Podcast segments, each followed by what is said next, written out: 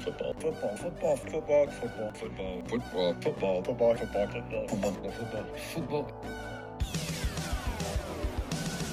It's the football, football, football, and sometimes other sport show. Here's your host, AJ Nicoletti. What up?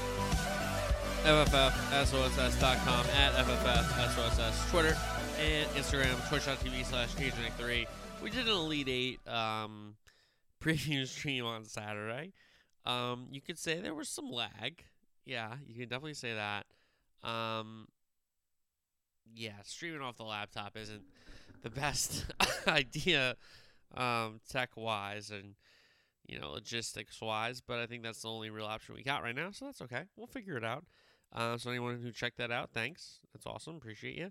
But um, big show here on this Tuesday edition of the pod. We got Blue Blood Final Four, and it is maybe the most Blue Blood Final Four ever with three, you know, tier ones. And I put Villanova in tier one, by the way. I can understand people being like, well, they're new, they're new money. They're not old money, right? They're a new blue blood. They're not an old blue blood. But I think they're a blue blood to me. So a blue blood final four, which we'll go through in the kickoff. Then we will recap the NCAA tournament, Sweet 16 and Elite 8 matchups, NFL headlines after that, World Cup qualifiers, PGA Tour, and more. So we'll do kickoff, Blue Blood Final Four, NCAA Tournament, Sweet 16, and Elite 8 recaps, game by game breakdowns, NFL headlines with some more movement and some quarterback talk, right? World Cup qualifiers, U.S. with some big, big window here for the U.S. men's national team. PGA Tour golf, which was the Dell Match Play, which is one of my favorite tournaments of the year, no doubt about that. So we'll recap all that. Thursday show, we'll preview the Final Four, of course. Uh, weekend soccer will be back as well. So that's stuff to look forward to on Thursday's program, but let's talk about Tuesday's program. So, kickoff, it's a blue blood Final Four. Great NCAA tournaments, guys, have upsets early.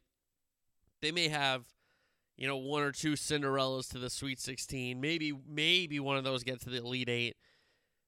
But what makes a really great tournament is when we get a stacked Final Four and four capable teams, right? Because it's nice when Loyola Chicago and George Mason and VCU and all these teams make these, you know, Butler those two years, you know, make Final Four runs. It's it's inspiring. It's all that. But you know, at some point, a lot of these teams run out of gas, and to have it be an Elite Eight is much better than to have it be in a Final Four, right? Because the Final Four, we want the four best teams we can get, and we want three great basketball games to decide who's the champion, right? So that's the making of a great NCAA tournament. And right now we have that, right? We had plenty of upsets early, some pretty good games. We've had this strong Cinderella run from St. Peter's, the 15 seed from Jersey City, to go through Kentucky, to go through Murray State, to go through Purdue, and then to just kind of run out a little bit of gas on Elite Eight Sunday against Carolina and Philly, unfortunately. But we had a great Cinderella in St. Peter's, and now we have a stacked Final Four. So no buzzer beaters, unfortunately. Um, that's part of the magic of the tournament, of course. The the horn going off and then the ball in the air, the anticipation of will it go in, will it not go in? Does it cost a team their life in the tournament? Does it give another game to another team? Is it an overtime force? Right, that all those emotions when the ball's in the air and then it goes in and the eruption of noise, right? So we certainly have missed a true buzzer beater at the end of the game. We've had some at halftime. I mean, the Texas one, the Marcus Carr banked in one was really cool. Um, but no true buzzer beaters to end a game. We've had some OT games and we've had some pretty good finishes. Um, so no real again, no buzzer beaters, but some good OT games, some good finishes. We had a great Sweet 16 with some all-time classics. Unfortunately, a disappointing Elite Eight, but those two things have combined to give us an all-time Final Four between Kansas, Duke, Carolina, and Villanova. Kansas, Carolina, and Duke are 1 3 4, respectively, in all time wins. Carolina, this is their 21st Final Four, and that's the record. Duke, this is its 17th Final Four. Kansas, its 16th. And Villanova is their seventh. However, it's their third in the last six tournaments. So the Nova Cats have certainly been a force to reckon with in this tournament the last six, seven, eight years. 17 national championships between them. It's the first time ever all four teams have had at least three national championships, and all four have won since 2008, with Duke, Carolina, and Nova winning multiple times since uh, Kansas's last win. Okay, so we have an outstanding Final Four. We have three for sure Hall of Fame coacher, coaches in Coach K, in Jay Wright, and in Bill Self, and Hubert Davis. After taking over for Roy Williams, what a what a start to his career as the head man at Carolina, just to get them an eight seed to the Final Four and knock off a Baylor, the number one seed in the process, and a good UCLA team, by the way. So that's overall storylines. Let's go team by team quickly. Duke, it's Coach K's 13th Final Four. Coach K is the storyline for this team. He will walk away at the end of this year, but his Blue Devils have given him one more week, one more game, and possibly another game after that for all the marbles. And we know they're such a, a talented team. Banchero was excellent this uh, last two games. Roach was good. Griffin made some plays, right? So they're very talented. You know, the Bigs and Williams and John Williams was really good over the weekend. Okay. And Duke has the Coach K storyline. They have the possible number one pick storyline. They have plenty going on. And now they meet their biggest rival in Carolina. Maybe one of the biggest rivalries in sports, if not all sports. Duke Carolina basketball.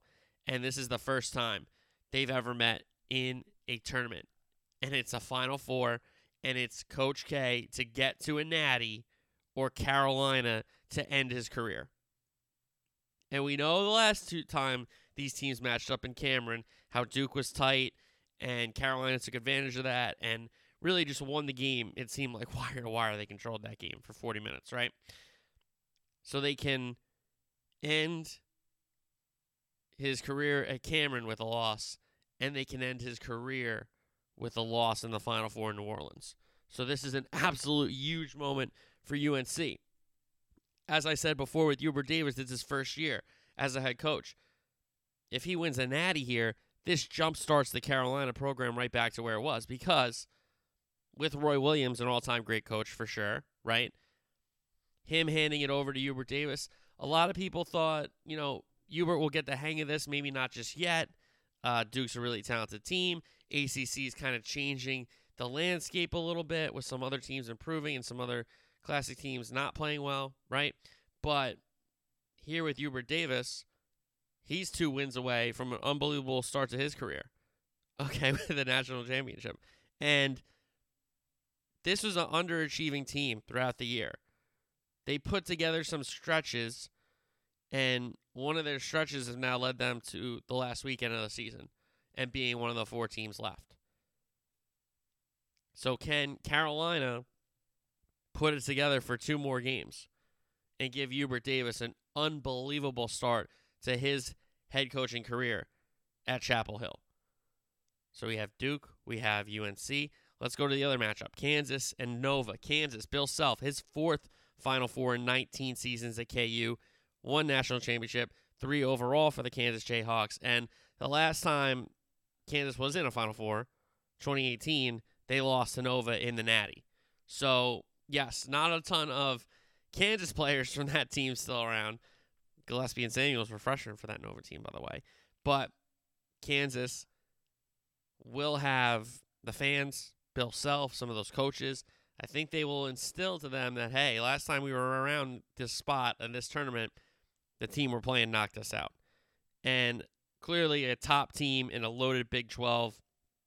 Kansas doing everything they can in their four games to get to New Orleans, and they have gotten there coming out of the Midwest, the only number one seed left. And that leaves us with their opponent, Villanova, with Jay Wright. Two national championships with Jay Wright, three overall back in the day there. We know they're the top team in a strong Big East, but the thing holding Nova back the fact that Jay Wright does play a short rotation, and now that Justin Moore is out, ruled out indefinitely, uh, suffering that ruptured Achilles in the final minute of their game against Houston in the Elite Eight. So a short bench, a short rotation just got even shorter. He's going to have to turn to some guys that have been injured. He's going to have to turn to a young Arcidiacono, I'm sure. But Villanova, who has been very successful in playing six guys, lose their second top scorer right in time for the biggest games of the year, Final Four weekend. So it really does suck for Nova because a healthy Nova team against this Kansas team, that's a pick 'em for me. And you can be like, well, you're biased. You like Nova a lot. You're not the biggest Kansas fan. Okay, you're not wrong. But I'll tell you what, I think it's like four, four and a half right now. It's not like Jay Wright has a day to turn this around. They know they're not going to play with JMO for, you know, a week, you know, six days or whatever. Yeah, a week, right? Because they were Saturday. So I think that gives Nova time to prepare. I don't know if the guys that he puts in have great games or a game, you know, if they're out, but it's not like they have just one day to turn it around to get ready. So, um, I mean, we've had a pretty good NCAA tournament. Again, it's got the formula. Okay, upsets early, strong Cinderella to the second weekend, and a stacked Final Four. We have that, and we have an outstanding Final Four between Duke, UNC, Kansas, and Villanova in that other semifinal. So we'll preview it all on Thursday's program. I just wanted to get through some of those stats for the kickoff at the top of this show. All right, let's get into our game recaps. Sweet 16, then Elite 8. Let's start with the West. Gonzaga and Arkansas in San Francisco. Muss Bus wins it 74 68. I talked about it last week in the preview, guys. If they got Holmgren or Timme into foul trouble, it was a completely different game, and Arkansas could win that game. They couldn't really win the game if it was both seven footers against them for 40 minutes. They had to get somebody in foul trouble, and it was Holmgren. And Arkansas had a 9 0 run late in that first half. Uh, Gonzaga trailed the half for only the fifth time this season. Toney had an and one against Holmgren for his fourth. Notae made a three that pushed it to 59 50 with 6.38 left. And then the Hogs led from there. Then Holmgren checks back into the game. Notae downhill drive right at him. Holmgren fouls out with 3.29 left. Zags were 5 of 21 from 3. They had 15 turnovers, and Arkansas got the Zags to play at their pace and style. It was gross. They mucked it up. They were first to every loose ball. They were first to every 50-50 ball. They won every big like battle on the boards for for you know a rebound until Chet came in and got some of his points and rebounds in that second half. But really, the first half was Notae when he was at the rim, he was great. Didn't have the best shot selection um, in that game, but they still a lot of them went in, or not really a lot of them. Enough of them went in, we'll say. Um, but Wade had a pretty good uh, game off the bench, or he started. Sorry, Toney and Umude played pretty well. Davis gave them some big moments. Lykes made free throws down the stretch, and Jaylin Williams was really good against Timme and Holmgren when he had his chances to guard those guys. So, an outstanding game plan by Arkansas played out. They tried to get at Holmgren early, get him in, uh, and have the officials make a call, or two calls, and three calls to get him into that foul trouble. He had to sit for a lot of the game, and Arkansas was able to play against Gonzaga with one seven footer. You know, it was going to be really tough for them if they played against two, but they really only played against one. And defensively, they were outstanding. Uh, keeping the Zags to only five threes and 15 turnovers is that's that's great. That is really great ball. So credit the Muss Bus in Arkansas. They take down Gonzaga. Gonzaga. I told you last year, folks, that was their best shot. They had a good team this year, but I didn't have them winning it. They could have won it for sure, but I didn't have them winning it. All right. The 2 3 in the only region that held 1, 2, 3, 4 was the West. And Duke beats Texas Tech 78 73. Texas Tech started off the half good and ended the half pretty well as well with a 10 2 run to start the opening 20 minutes and 11 5 run to close it. Tech led 33 29 at the break. Second half action, Griffins 3 tied the game at 47. Banchero's jumper gave Duke a lead. McCullers hit a three to give the Red Raiders the lead back, and Banchero answered. That made it 69 68. a one point lead for Duke with just under three minutes to play. Roach had back to back buckets. That ended up those four, uh, those two buckets and Banchero's three made it a 7 0 Duke run. AJ Griffin made two free throws down the stretch to make it 77 73. They make another free throw and they win 78 73. So the Dukies find a way against Texas Tech in a pick 'em game, a really great game. Texas Tech scored. Um, I was a little worried about them scoring. Um, if, if Duke scored, I thought it could have been, you know, 78 to like 62 if they if they tried to score. But Duke was good offensively. Uh, Coach K managed the timeouts pretty well, and him switching to that 2 3 in a lot of spurts changed the look up for Texas Tech. And they're not really known as a shooting team. You know, they can make a, make some threes, but they're not really trying to make threes. They're trying to run their sets and get good looks and get layups at the rim and dunks at the rim and stuff like that, and guys going downhill at the rim. So Duke checking to that 2 3, kind of like baiting them to take some threes. And yeah, they made a couple, but they missed a couple too. So Duke certainly back in the game with that adjustment. Coach K going to the 2 3 was big. And offensively, Banchero was really good. Roach was outstanding, I thought, in the second half. And Duke wins that one 78 73. So that set up Duke and Arkansas, which we'll get to in a minute after we get through the rest of the round of 16, the Sweet 16. Then we go to the South, San Antonio, Arizona, and Houston. Houston dictated the pace. They dictated the style. They beat the number one seeded Arizona Wildcats of the South 72 to 60. Houston got their first half lead up to 10 three separate times. Arizona missed seven of their first eight. They fell down 14 uh, 4 quickly into that first half a only real negative for Houston was that uh, Moore he was in early foul trouble, so it was really on Shead and Edwards to play guard, and they ended up both playing uh, 38 minutes. End of the first half, Koloko made two free throws to make the halftime deficit a little smaller. Terry cut it to two in the second half with a three. Uh, Edwards answered with a three, then Terry hit a three, and then Shead responded with a three of his own.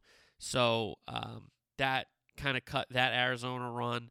And then Terry had back to back layups to cut it to 64 58 with two minutes left, but Edwards answered right away with a big three. Houston was able to pull away after that. So Arizona goes down. An outstanding first season for uh, Tommy Lloyd, the former Mark Few Gonzaga assistant.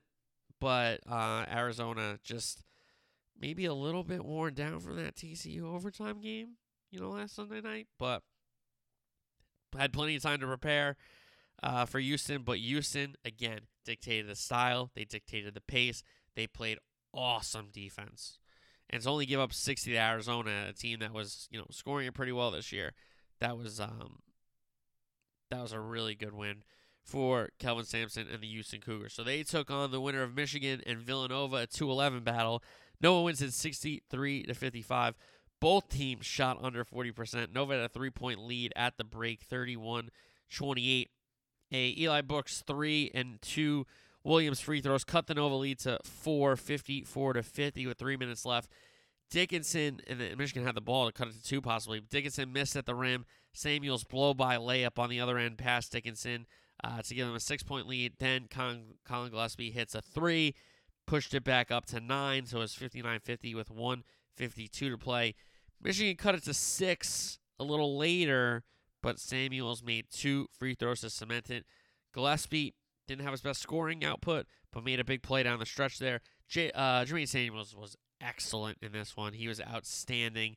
Um, and he matched up with Dickinson a lot because Dixon was kind of out of this game. But give credit to Jay Wright and those guys. Nova finds a way when they shot under 40 percent to still win a game, which is absolutely insane. So it was Houston Nova in the South in the lead eight. Let's go to the Midwest round of 16 in Chicago, the United Center. Kansas Providence 1 4. Kansas wins at 66 61. KU had a 26 17 lead at half after really stifling and shutting down that Providence offense in the first half. They then led early in the second half 36 29. Um, timeout from Cooley Providence goes on a 9 2 run to get back into it. Providence outplayed Kansas in the second half, but the Jayhawks held on. Noah Horchler hit back to back threes. That cut it to 41 40. Reeves then tied the game for Providence with a bucket uh, with two free throws at 44 up. Friars ended up taking a one point lead with a Horchler layup, 48 47 with 5 49 left, but the Jayhawks responded right then and there. 7 0 run. Wilson and one. Braun layup. McCormack put back dunk. That made it 54 48 with 412 left. Agbaji dunk made it 57 50. Reeves answered with a three, but Kansas. They let him get a little close, but they never let it get down to one possession after that. Friars cut it to four with the foul game late, but they didn't get all the misses they need. Unfortunately, Ed Cooley's crew, four for 23 from three point land. But they were horrendous in the first half. You got to give them credit for fighting back in that second half. A lot of teams would have laid down. They even get a lead. But then, hey, give Kansas some credit because they took a couple, you know, swings from Providence. Providence was back in the game. The building that was non Kansas fans was rooting for Providence, as those buildings always get, uh, with the teams not rooting for the one seeds from the other fans and maybe some neutrals. So Providence had a great second half. It was the first half that doomed them.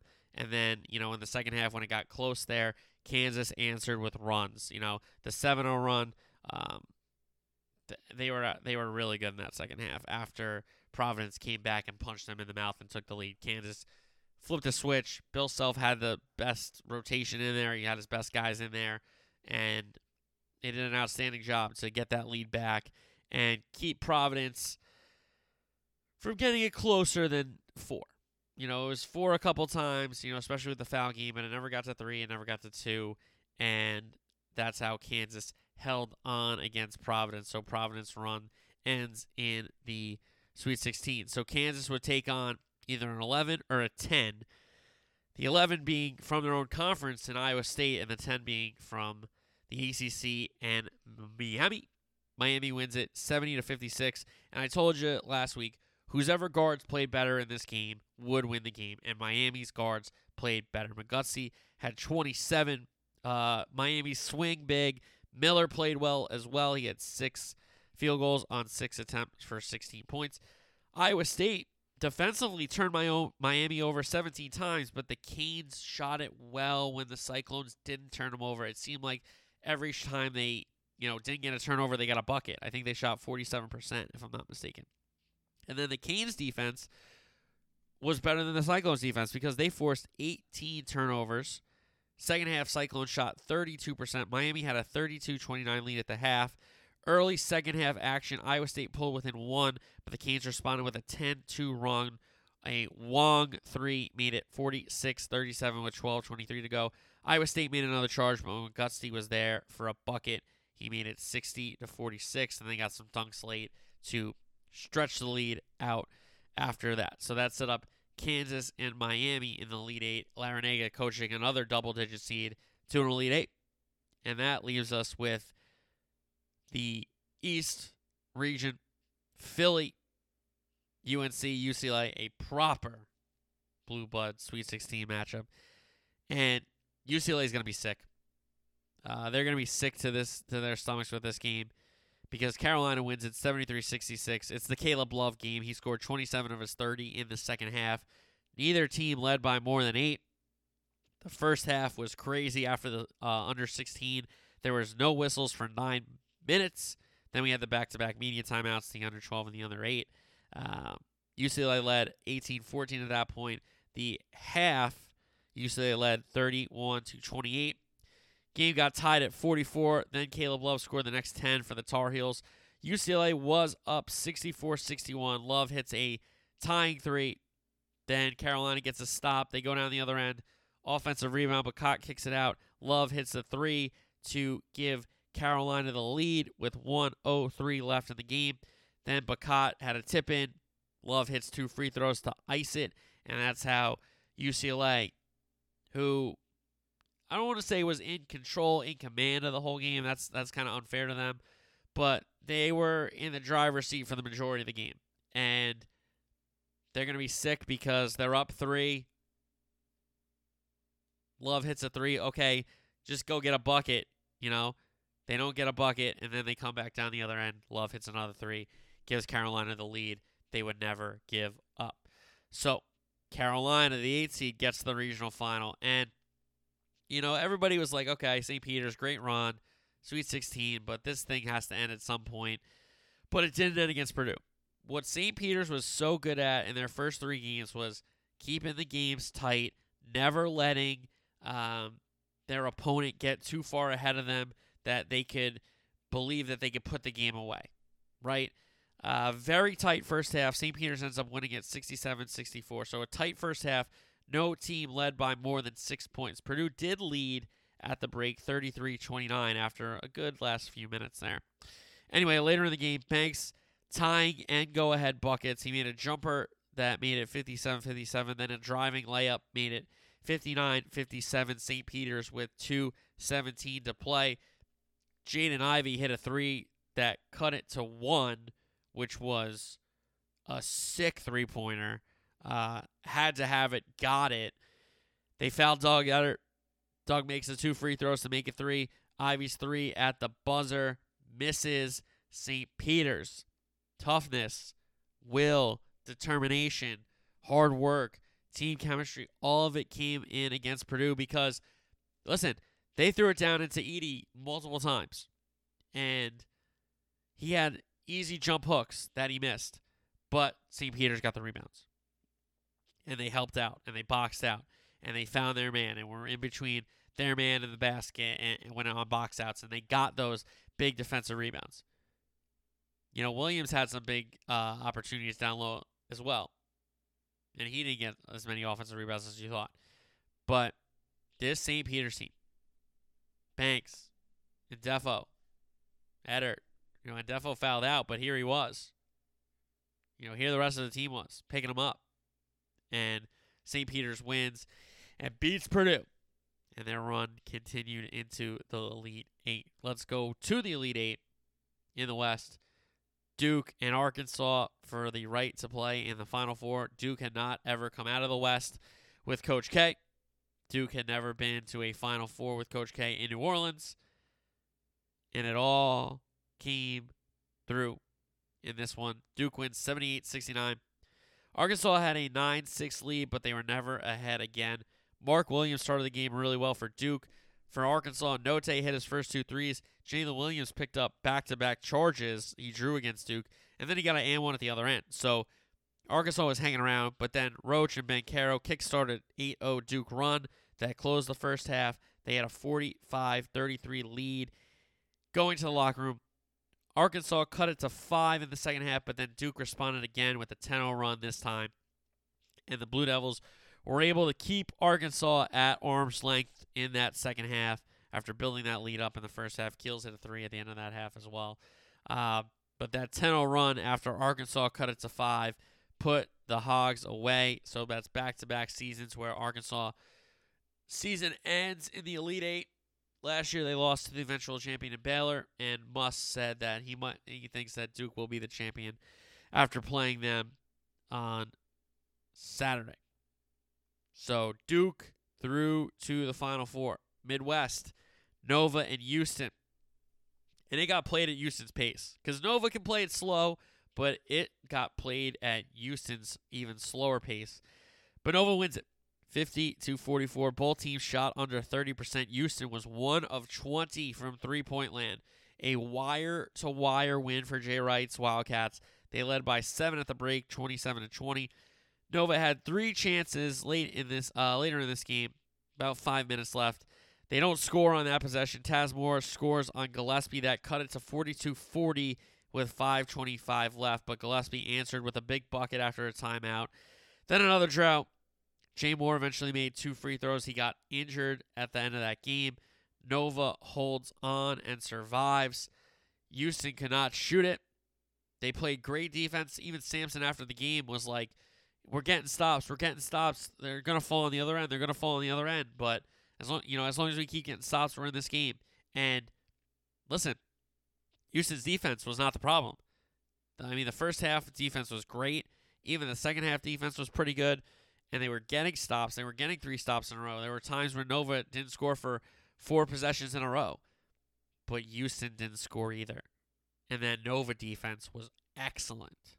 So Nova wins a war, a horrific shooting performance for both teams with them shooting under 30% from the field, but Nova finds a way. And they were just a little tougher. And the Cats and Jay Wright are in another Final Four representing the South. Midwest, Kansas, Miami. Kansas wins this one 76 50. Miami ended the first half on a 9 2 run, and Miami didn't particularly play great in the first half. They played pretty good. Kansas did not play great. They shot it very poorly, especially from the free throw line, but Miami had that 35 29 lead at the half. They led 40 to 38 in the second half, and then the rest of the game, Kansas 38 10. That was part of a 47 15 second 20 minutes of play from Kansas, and KU blows out the Hurricanes in the second half. I mean, 47 15, that's insane. Uh, a Braun three gave Kansas a three point lead, 43 40. KU then led by 12, 54 42 with 10 minutes left. Another KU run after that made it 67 46, a 10 0 KU run. With four and change to play, Agbaji three extended the lead to 23 with just under two minutes to play. So Miami, unfortunately, run out of gas. Their guards in Wong, and Moore just didn't have any uh, a ton of answers. And listen, Remy Martin was great in um, that game against Providence. He didn't really shoot the free throws that well down the stretch, but in this game he was pretty good too. And he's been a guy that Kansas has kind of been looking for. So give him some credit. And Kansas comes out of the Midwest, the only one seed left in the tournament. And they go to New Orleans. The East now. Carolina and St. Peter's Sunday evening. Carolina wins at 69 49. A wire to wire UNC win. A Bacot putback made it 7 0. St. Peter's again did not trail by more than six all tournament. They had stayed in the games, um, game in and game out between the first round against Kentucky, the second round against Murray State, the third round, uh, Sweet 16 against Purdue. But in this Elite Eight, they could not keep it close from the start of the game to put the pressure on the other team. The onus was then flipped to them to try to get back into the game, and Carolina had the St. Peter's Peacocks right where they wanted them. Uh, UNC then led 21 7 in the first half. The Peacocks missed their first six shots and 16 out of their first 19. The game was 38 19 Tar Heels at the break. And listen, credit Shaheen Holloway's kids. Uh, they played much better in the second half, but they could not erase the damage that was done in the first 20 minutes. So St. Peter's eliminated by Carolina. Unbelievable run that will not be forgotten in this tournament's history. Shaheen Holloway's going to Seton Hall, which shouldn't surprise anyone if you know his story. And now, again, like I said at the top of the show, it's been a great tournament because it's checked a lot of boxes. Now the buzzer beater box is still unchecked, and maybe we could get something crazy in New Orleans. But we've had some good games. We've had some overtime games. We've had upsets early. We've had a trademark Cinderella, and now we have an all-time Final Four between Kansas and Nova first, and unfortunately that Nova injury with Justin Moore really, really hurts. That Nova lack of depth. But if there's anyone that can do something with it, it's Jay Wright. And they take on a Kansas team that's desperate to get back to a final. And Duke, UNC, the first time these teams have ever met in the tournament. And can you think of higher stakes? Maybe if it was one more game, but it's to play one more game for the ultimate prize. And it could be Coach K's last 40 minutes in that historic rivalry. And I can't wait to talk about it for Thursday's show. Um, but that was recapping the Sweet 16 and the Elite 8. So we'll preview Kansas Nova and Duke UNC on Thursday. All right, let's talk some NFL headlines.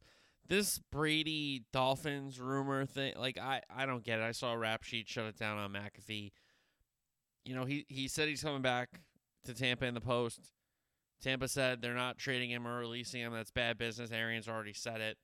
Um, he's told people to come back to Tampa, and they have, and they've signed contracts, right? Um, and they trade for Shaq Mason as well. but I get how you know. Well, Gronk hasn't signed yet. Okay, all right. I, I, you have a point there, but I think there's more evidence that points to Brady coming back and playing for the Tampa Bay Bucks than than doesn't than him demanding a trade or him because you know he could have just said, "Hey, I'm coming back. No pictures, whatever." You know, I'm gonna reach out to Tampa to try to trade. Like something would have been public by now about his intentions of not staying with Tampa instead of like this backroom thing about, well, the Dolphins, you know, maybe can come get Brady. Like, no, they're not. They just upgraded all this capital for Tua. They have all this investment in Tua. They're gonna be like, okay, you know, let's go get Brady for a year or two at most, instead of like, so it, it just doesn't make a ton of sense to me. Rap sheet already shot it down, and I trust his kind of barometer on what these things. And yes, you know, Gronk has a sign. There, there are a couple points for, well, hey, there's smoke, there's fire, right?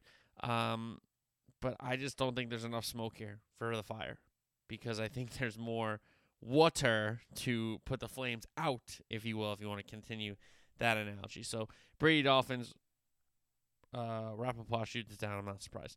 Stefanski wants the Baker Mayfield situation resolved soon.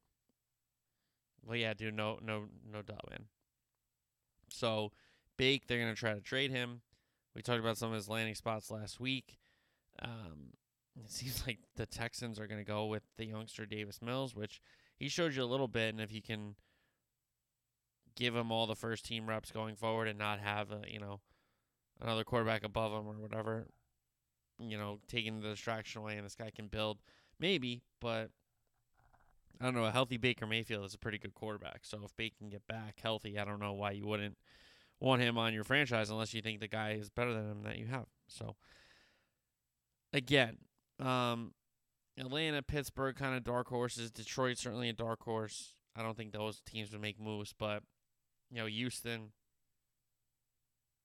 I can really see Houston making a play for him, and if they don't, they don't. But all right, um, Kyler Murray's not worried about his future as the Cardinal quarterback. I think that has subsided all the things, maybe the little tad bit of animosity between negotiate like that deal's gonna get done. And it might not get done, you know, don't hold your breath, but that Kyler Murray extension should get done. And I don't think, you know, all the Cardinal fans have to worry anymore about um, having Kyler Murray not be their quarterback going forward. I think he's the quarterback going forward in Arizona. I think they'll figure all those things out. Okay.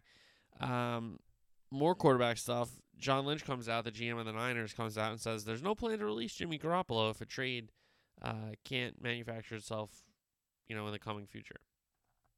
So it seems like they've moved on to Lance being their starter, and they're just going to keep Jimmy G as the backup or as like a trade piece if somebody needs a quarterback. And they're going to say, hey, we got somebody. You know, some guy that's won postseason games, gotten his team to a Super Bowl, gotten to another NFC title game. Um, but they want to go in another different uh, direction with Trey Lance, um, open the offense up in a different type of way. So they're not just going to release Jimmy G. They're trying to get somebody for him, something back for him, whether it be draft capital or maybe even a player. But John Lynch saying that there's no plan to release Jimmy G from the Niners. All right, um, switch to the AFC West. Nate Hackett and Russell Wilson are working on the Broncos offense together. Russ has already, you know, made comments about not having enough input in Seattle and not thinking the Seahawks are doing the best at what he's best at, you know, that kind of stuff. So we've heard that story come out of Seattle, Russ cook, like all that kind of stuff. So it seems like with Hackett and Russell Wilson getting to know each other a little bit, whether that's like watching film or, you know, prep work so far in building the offense, give that a little bit of time. You know, give that a little bit of time to to take shape. But if you know Russ is a, a smart guy, so they'll figure that out. Stay in the AFC West. McDaniel says the Raiders are trying to build around their quarterback, Derek Carr. They're trying to get an extension done. Um, Carr's agent tweets out that yeah, NFL teams want to do deals on their terms and not, you know, deals on the players' terms. So we'll figure this thing out. But that's where we're at right now. Not really surprising, especially after the Raiders get Davante Adams, and Davante Adams wants to play with Carr, and he wanted to play in Vegas. So, yeah, Carr is a solid enough quarterback for me. You know, he's probably fourth in that division by default. You know, when you look at Mahomes, Herbert, Russell Wilson, and him. And I'll tell you what, I think Herbert's better than Russell right now. If you said who's one, who's two, who's three, who's four, right? Um, but the Raiders and specifically Josh McDaniels saying, "Hey, we want this guy to be our quarterback," so they're working on an extension there. Go to the Chiefs now. They signed Valdes-Scantling from the Packers, three for thirty, and Ronald Jones from the Bucks. It's a one-year deal. We're not sure about the money yet, but the Chiefs have already kind of shown you their plans for wide receiver between um, trading Tyreek Hill, signing Juju, now signing Valdes-Scantling. they're going to kind of go wide receiver a little bit by committee, hoping they get something out of, you know, Josh Gordon and Mecole Hardman keeps developing and Robinson keeps developing, but they do not have that number one guy. You know, Juju is a nice receiver, but can he be the number one guy? I don't know with his injuries. Valdes-Scantling certainly has the speed, but you know, we've seen Aaron Rodgers be a little frustrated with him in his growing process into this league. So I don't know. I think their moves for their offense to try to not be Tyreek Hill between Juju and Valdes-Scantling, but they're trying to get some of the production back and split it different ways, and then give a guy like Mecole Hardman some more opportunities. Give a guy like Demarcus Robinson, or you know, if they really, you know, hit the lotto with Josh Gordon, you know, being right mentally and being right physically and can play, like that guy is an unbelievable receiver if he's at his top physical and mental performance. So I think they're banking on that a little too much, but I mean that's kind of like a wild card lottery kind of thing. But them bringing in Valdes-Scantling, bringing in Juju, that just shows you that hey, they're gonna try to create or replicate Tyreek Hill's production with a lot of guys and not just one guy. And they still have Kelce, too, so that's obviously important. All right, the Panthers apparently are not giving up on Sam Darnold. They're going to give him the QB1 shot. You know, Mayfield could go down there and win the job, right? So, Panthers, Matt Rhule. Listen, you know, Matt Rules seems like a solid enough guy. What he built at Temple and Baylor, and then going to the league, uh, making his personal jump. You know, can't take anything away from him for that. But I think he kind of got found out a little bit. And yes, though they haven't had you know the best quarterback play, yeah, they've been a little unlucky with injuries. Like some coaches, some teams find ways through that, um, through those explanations for the good teams, excuses for the bad teams. You know. All right, uh, the G-men come out. They say they're not trying to trade Saquon Barkley, and I get um, why they're not. Saquon is a very, very talented back. He's a talented player. We all know this.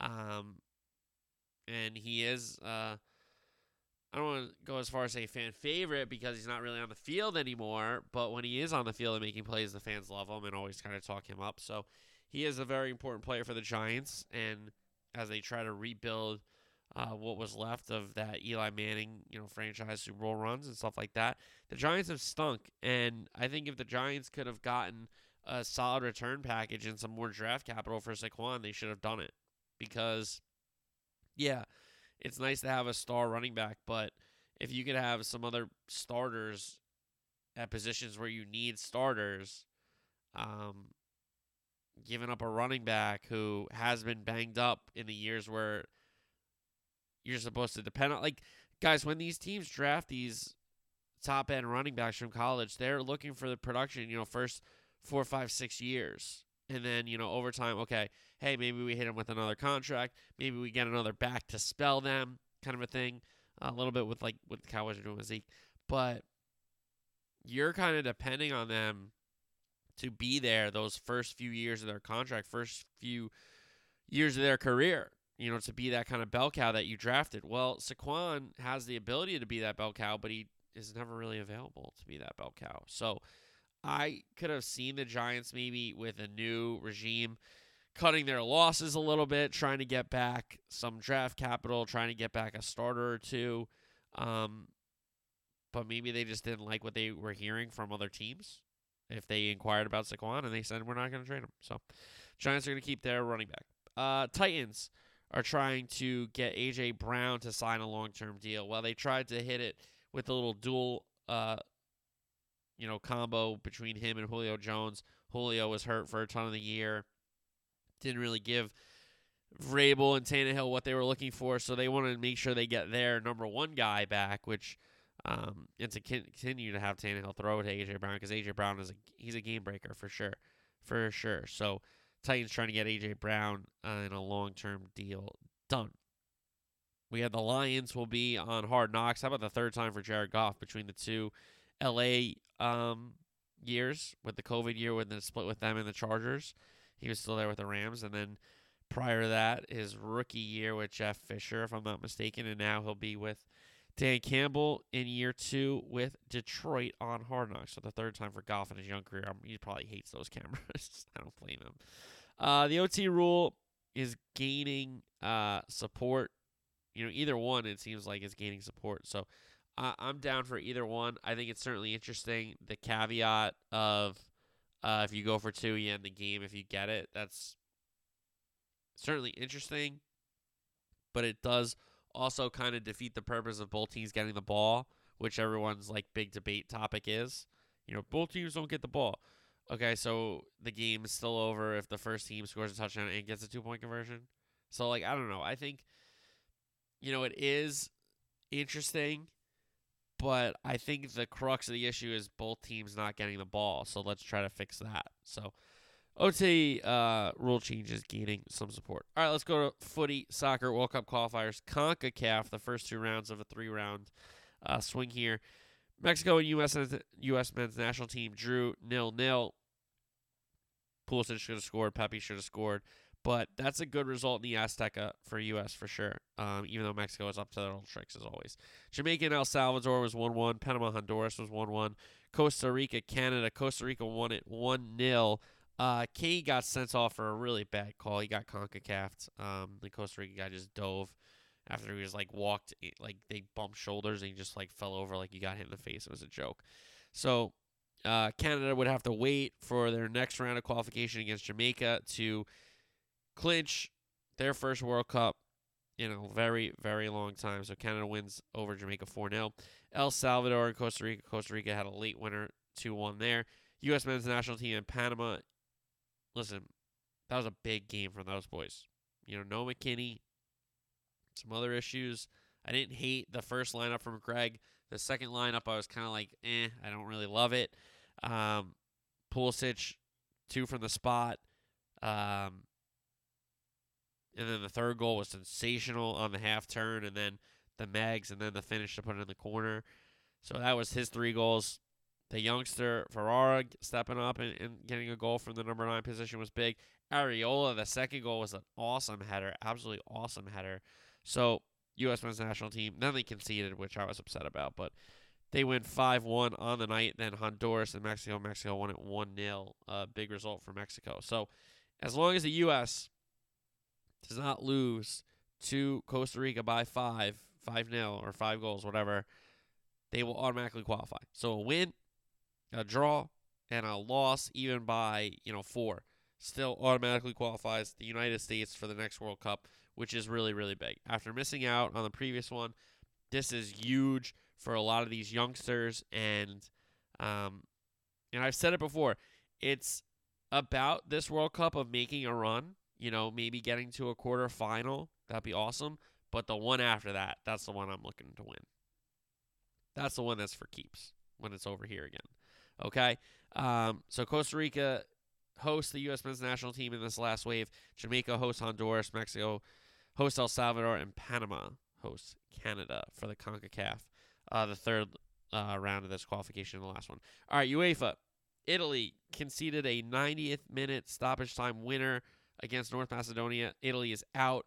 So Italy missed back to back World Cups, and in between, I don't know, they just won the European Championship. So can't make that up for the Italians. Um, a, a historical run in it that they don't qualify for a World Cup, then go on an unbelievable unbeaten run, carry that into European Championships, win the European Championships, and then not qualify for the World Cup, lose to North Macedonia. Uh, that was crazy. Portugal beat Turkey 3 1. Sweden and the Czech Republic, Sweden won 1 0. Wales, Austria, Wales 2 0 with the Bale brace. Um, Wales plays the winner of Ukraine Scotland, I believe, if I'm not mistaken. Um, because Poland advanced by them playing. Um, Poland advanced by playing quote unquote Russia, and that game being forfeited. So we have Poland, Sweden, Portugal, North Macedonia, and then Wales against the team to be named. CONMEBOL, South America, Brazil and Chile. Brazil won a 4 0. Neymar, Vinicius, Coutinho, Richarlison all scoring for Brazil.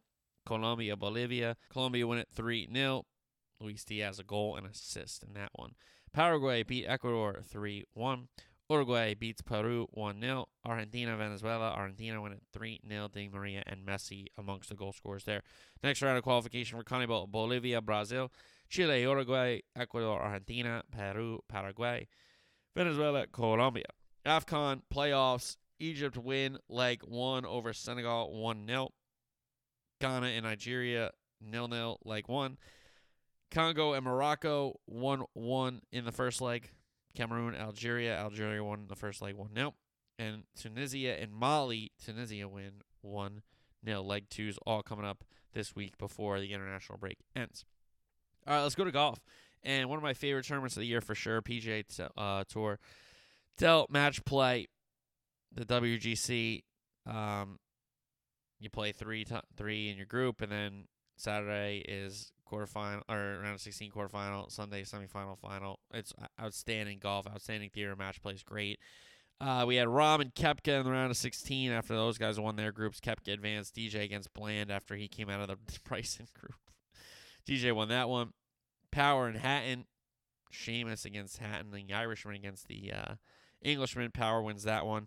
Scheffler, Horschel, Scotty Scheffler advanced. Morikawa and Abe Answer Ancer kills Morikawa. I think Collin ran out of gas here. Uh, Kanaya and Conners, the uh, Canadian takes down the Japanese international there. Zalatoris and not, it was Will Zalatoris. And then Kisner Scott. Kisner was down late, but Scott opened the door and Kisner advances there. So that set up a quarterfinal. Koepka and DJ. DJ won that one two up. Power and Scheffler. Scotty Scheffler wins it 3 2 with a hole out on, um, I think, the 13th hole. Or, no, it had to be the 15th hole or something, right? Uh, Abe Ancer against Corey Conners. Conners won it 2 up. And Kisner beats the youngster Will Zalatoris 4 and 3. So semifinal, we had DJ against Scotty Scheffler. Scheffler won it 3 and 1. Corey Conners against Kisner. Kisner wins um, a hole late, and then he won the 18th hole as well. Kisner two up. Uh, finish that one, third place match, DJ against Conners. DJ does not really care about $167,000 because that was the difference between third and fourth. Conners wins that one three and one. And then in the final, Scotty Scheffler went up early. Kisner chipped away a little bit, uh, but Scheffler ends up winning four and three.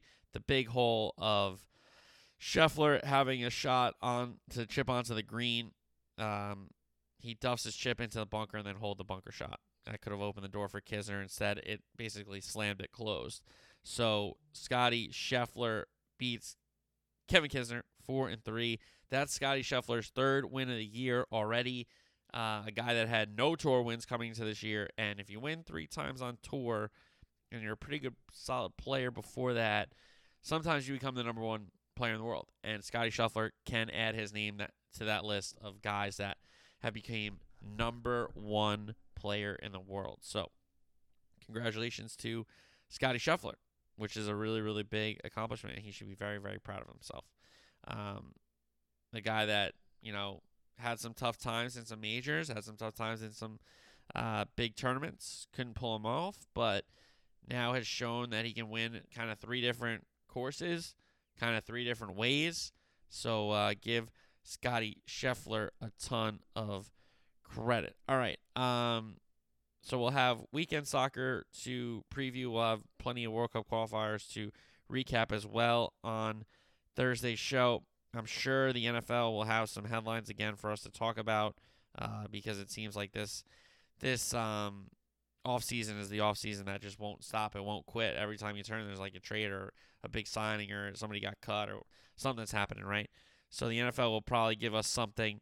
We'll have soccer to talk about, and of course, we will preview Duke, Carolina, Kansas, Villanova, the Final Four in New Orleans. Full breakdowns and previews on Thursday's show. We will look forward to it. So I'll talk to you then. And until then, peace.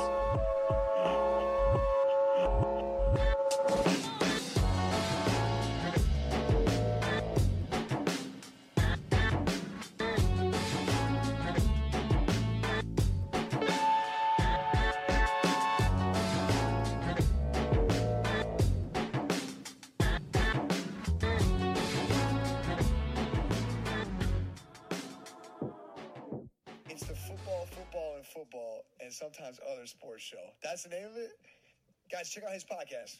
That sounds like my kind of podcast. Football, football, football, and sometimes other sports show. Sounds like me.